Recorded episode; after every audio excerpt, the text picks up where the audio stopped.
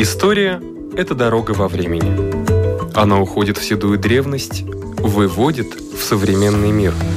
Она показывает, рассказывает, объясняет. И не перестает удивлять. Живая история.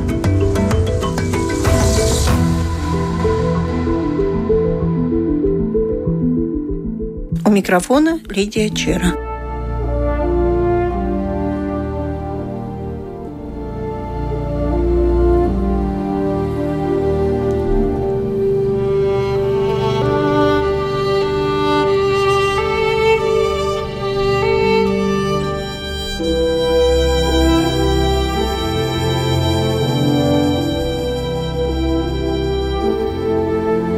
Пару лет назад в Музее письменности и музыки был такой проект. Назывался он «Предмет месяца». И однажды таким предметом стал портфель Иманта Зедуаниса, в котором он хранил свои произведения, в том числе адресованные Петерису Упицу. И сразу для меня было не совсем понятно, а кто такой Петерис Упиц? Оказалось, садовод – всем известных садов яблоневого и сиреневого, что находятся в Добеле. Исследователь Института садоводства, тоже в Добеле, Карина Юхневича Роденкова, 125 лет исполняется Петерису Упиту. Память о нем жива? Да, конечно, жива по сей день. У нас как и музей, так и сохраняются его сорта, гибриды, как и сирени, так и других культур. У нас в данный момент 72 сорта сирени и также его гибриды. И каждый год э, у нас посещает наш сад во время цветения сирени от 20 до 40 тысяч человек. Есть, конечно, такие талоны сирени, популярные, которые принадлежат именно нашему создателю Петерису Упитису. Он одну из сирени посвятил своей маме. Это мама Упитис называется. Очень красивая сирень белого цвета. Также есть сирени, которые были посвящены его любимым девушкам слабого пола. Одна из них была Кристина Баутпурныня которую он пал замуж, выйти за него, но она ему отказала, и в переживании этого он назвал э, именно эту сирень. Ну, наверное, темного цвета. Нет, она была белая, она очень красивая. Вообще у Кристина Баутпур на ней ему ассоциировалась с таким с белым цветом, потому что она была красивая девушка, белое, очень белое лицо, как бы французского манера, можно сказать. Ну, за счет этого вот и сирень белого цвета. Очень красивая сирень, одна из наших фаворитов, наших популярных сиреней. Ну, у нас э, и есть другие популярные сорта сирени, например, сине-фиолетовый, как вы, может быть, читали, Петери супицис сам родом из Видзема, и конечно, приехав в Добеле, он и скучал по Видзема, там остались его сады, и э, он назвал сирень Видзем из Дебесис, как бы в память о своей родине детства. Также одна из сиреней Гайзенчкаунт, очень красивый э, сорт. И а также... он там где-то рядом с Гайзенкауном родился? Да, его дом находился рядом с Гайзенкауном, и с окна дома он видел именно эту гору, ну, за счет чего он всегда вспоминал, ему нравился этот вид с окна, и поэтому и появилась эта сирень.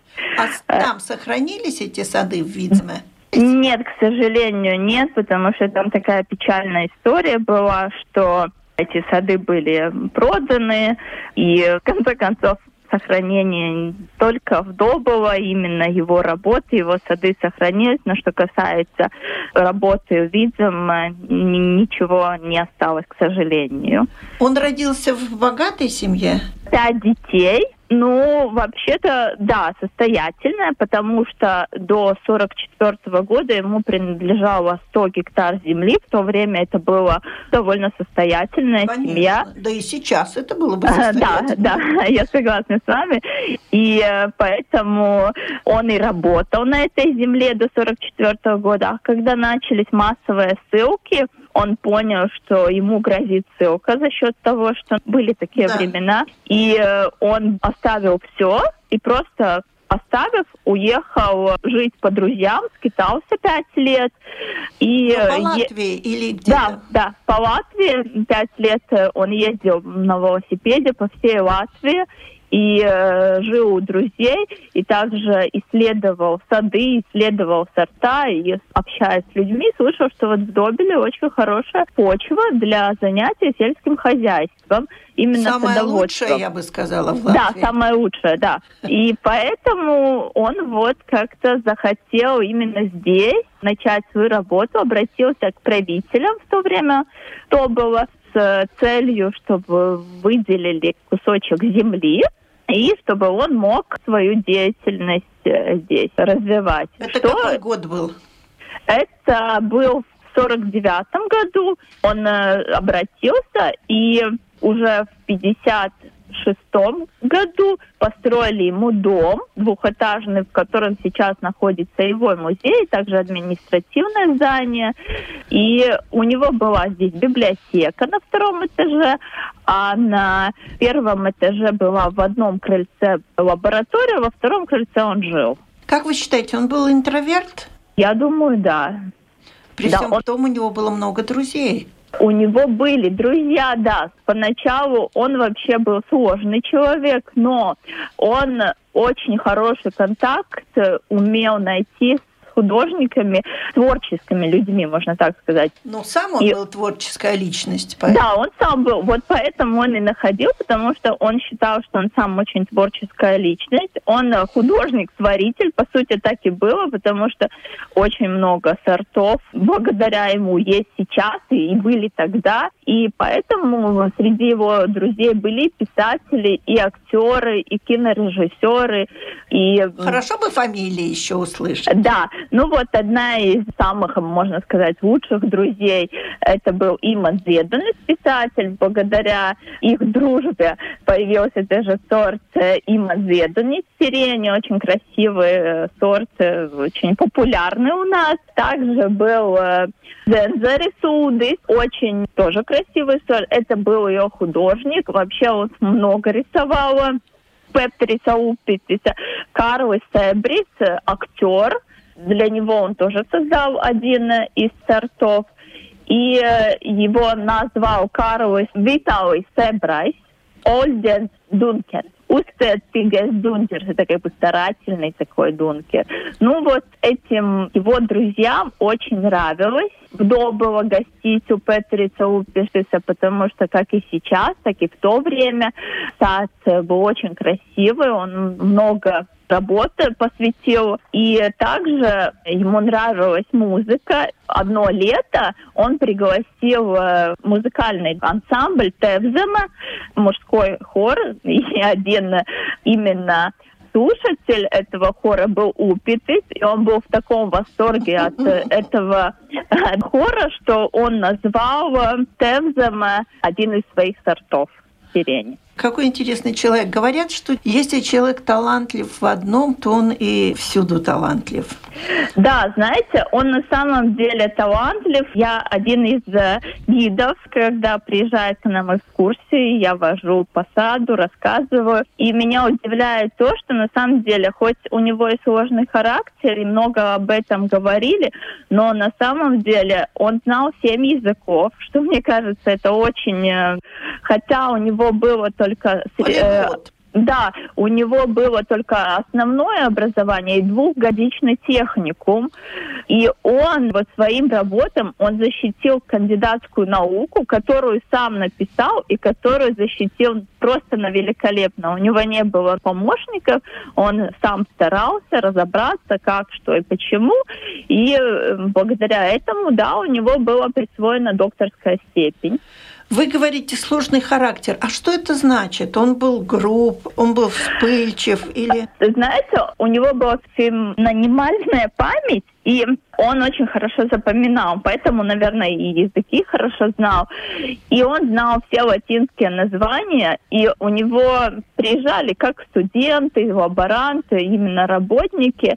Он говорит, ну идите в поле, назвал латинское название, и там обрежьте кусты. Ну и как, люди не понимают, а что? И мне понятно, если я скажу, иди черешню обрежь. А если мне сейчас черешня латинское название говорят, я думаю, ему это так злило, как же человек, который учится на садовода, не знает тех латинских названий. Он всегда ругался, также было, что приезжали люди к нему работать, и он говорил, ну вот идите прямо, потом 100 метров направо, 300 метров налево, и вот будет поле, где вам надо работать. И опять люди не понимали, шли куда-то, делали не то, он приходил и был очень недоволен, как же меня не поняли. Ну, вы понимаете, что легко не было.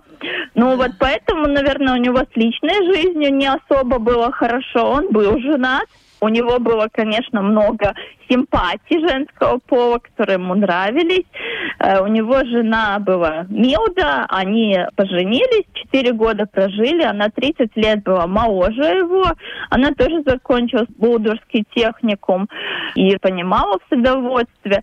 Но так как э, у Пиццису на первом месте всегда был сад, и фактически его сорта, а не семья, ну, конечно, там ничего хорошего не могло выйти. Они очень э, быстро, в течение четырех лет, после четырех лет они развелись, детей у него не было.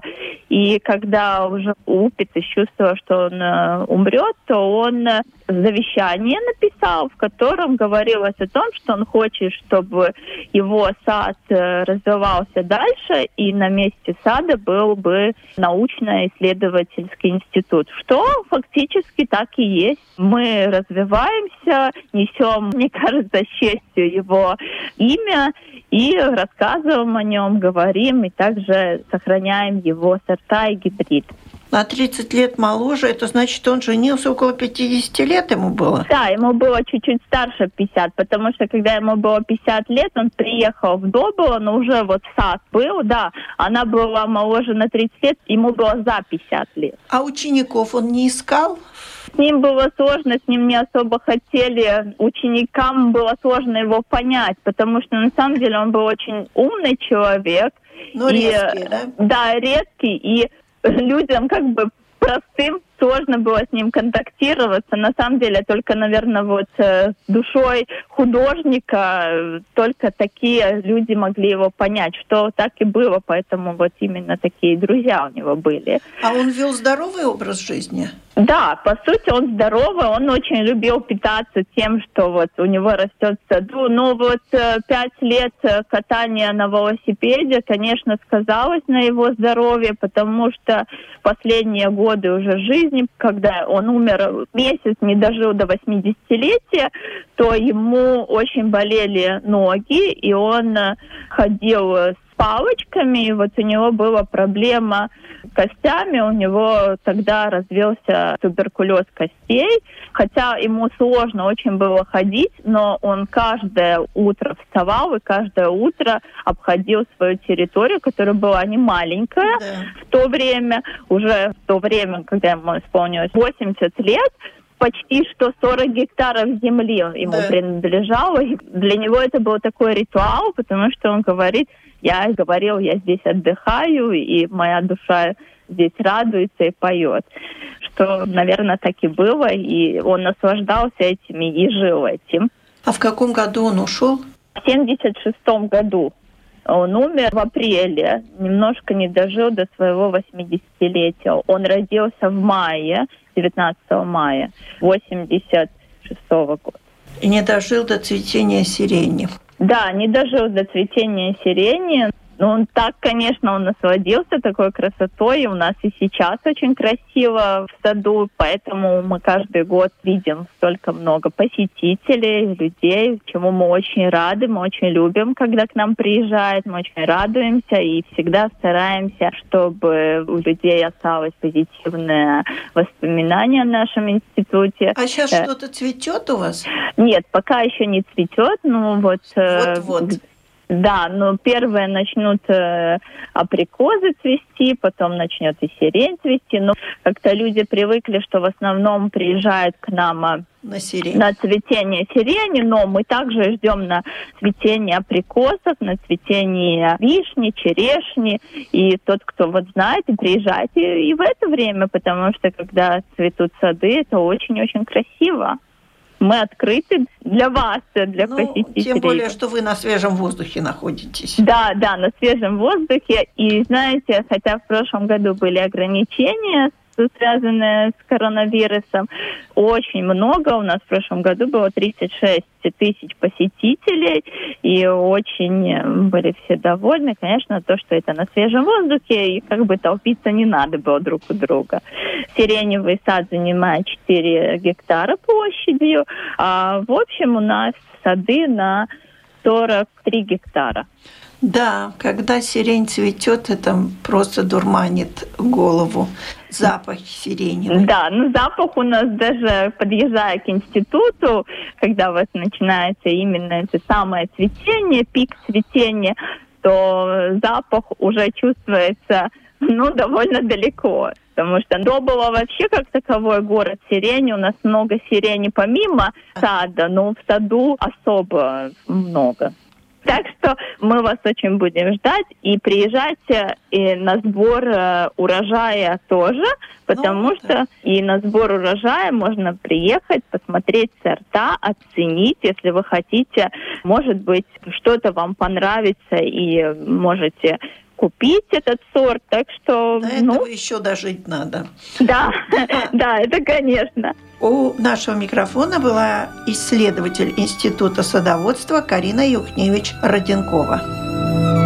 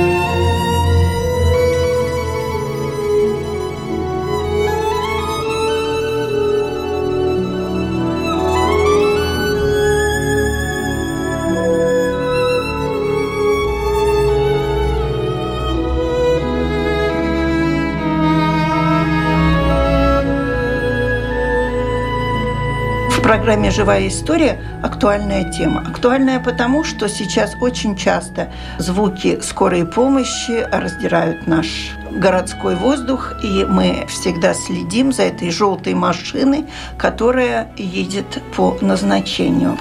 Но желтого цвета машина, я так понимаю, была не всегда. Еще даже я помню, что они были белые с красным.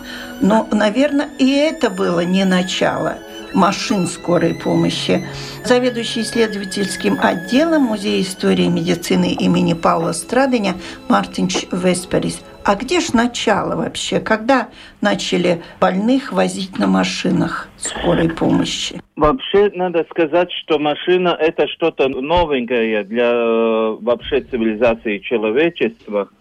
И до 20-го столетия главный э, предмет перевозки предметов, вещей и людей это были, конечно, коляски. Если мы смотрим, когда впервые появляются специальные кареты для перевозки больных, тогда мы можем стопроцентно утвердить, что это было создано армией милитарных целях, потому что в армии первая и главная цель это была вылечить больного или раненого солдата.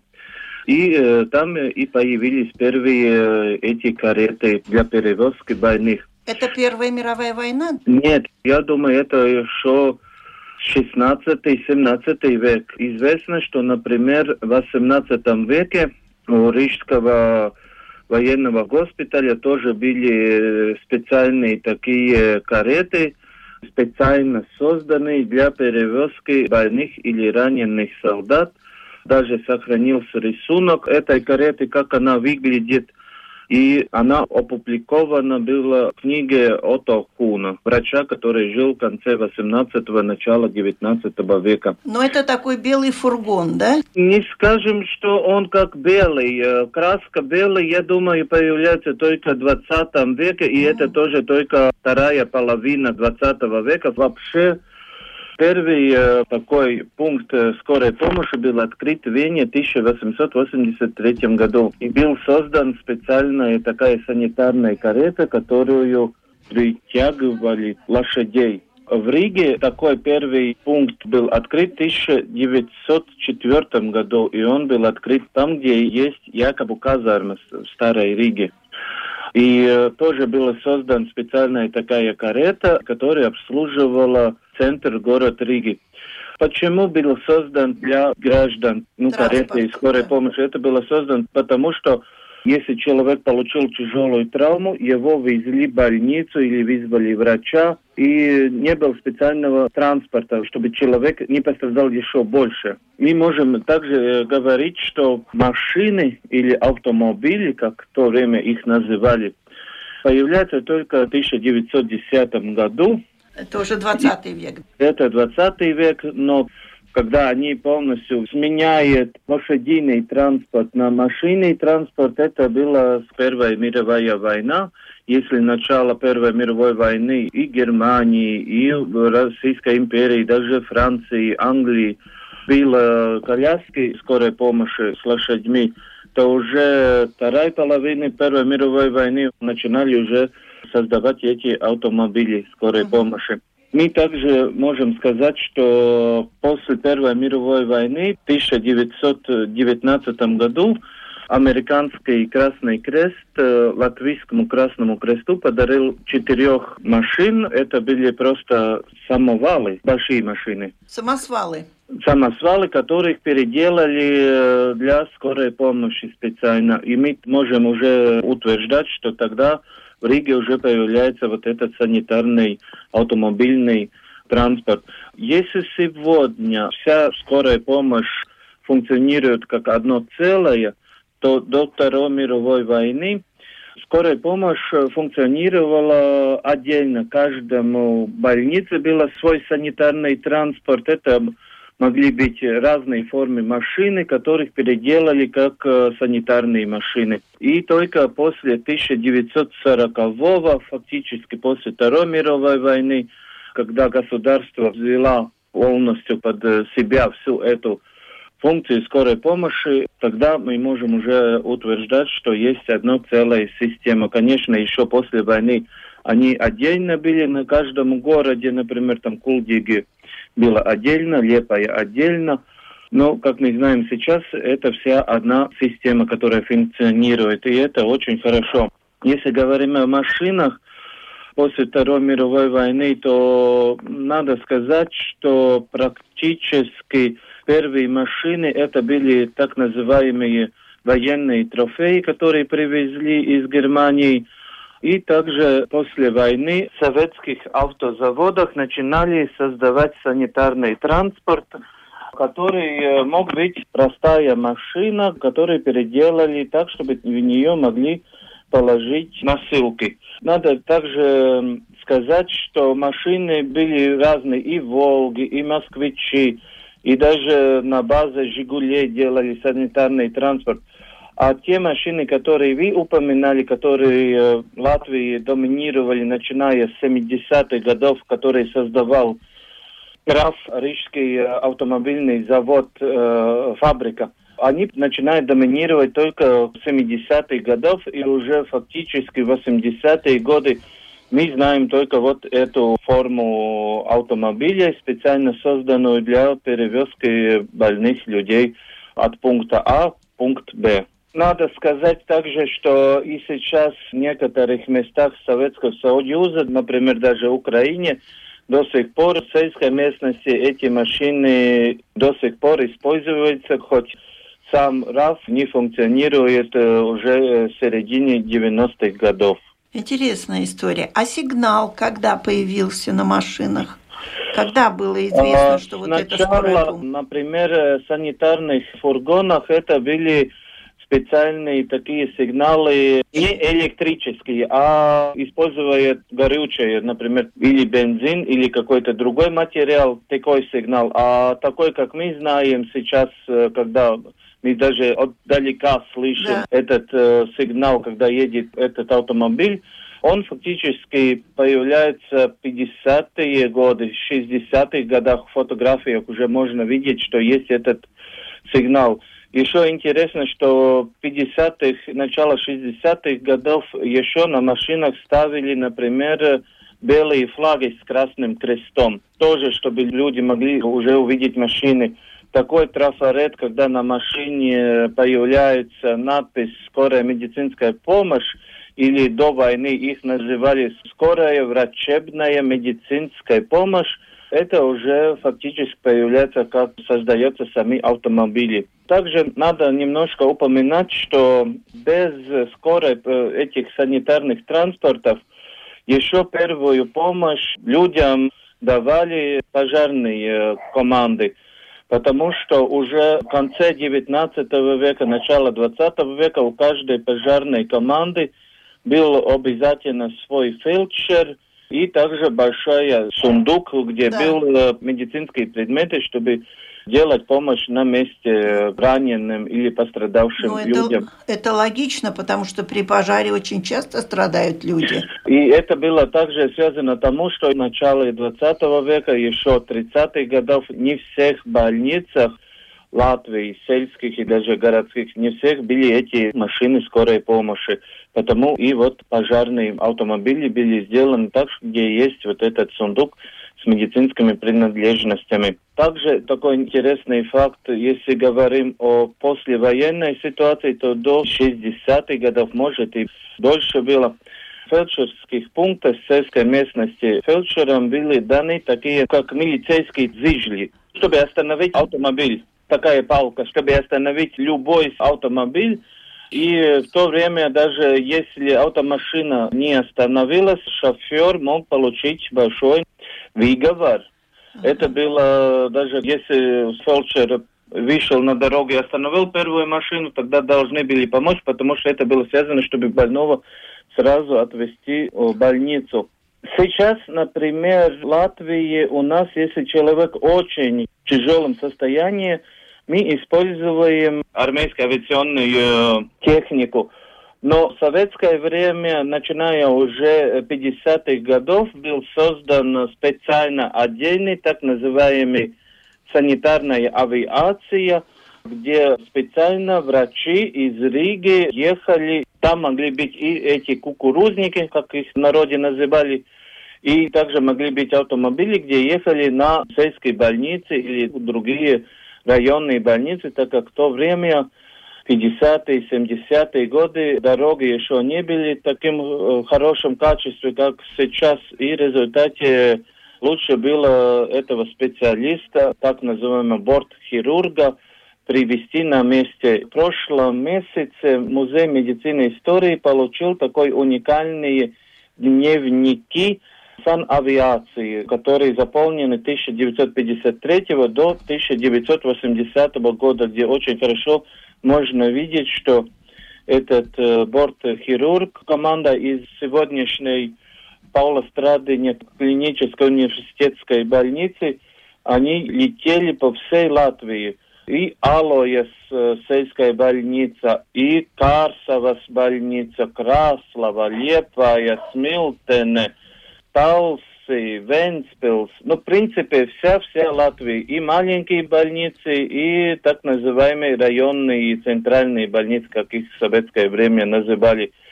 Также еще был и санитарный автомобиль у этой санавиации, если надо было выехать, например, там Огра или Юрмала, ближайшие местные населенные пункты или эти больницы. Теперь мы знаем, как вся эта история складывалась. У нашего микрофона был заведующий исследовательским отделом Музея истории медицины имени Павла Страдыня Мартинч Весперис.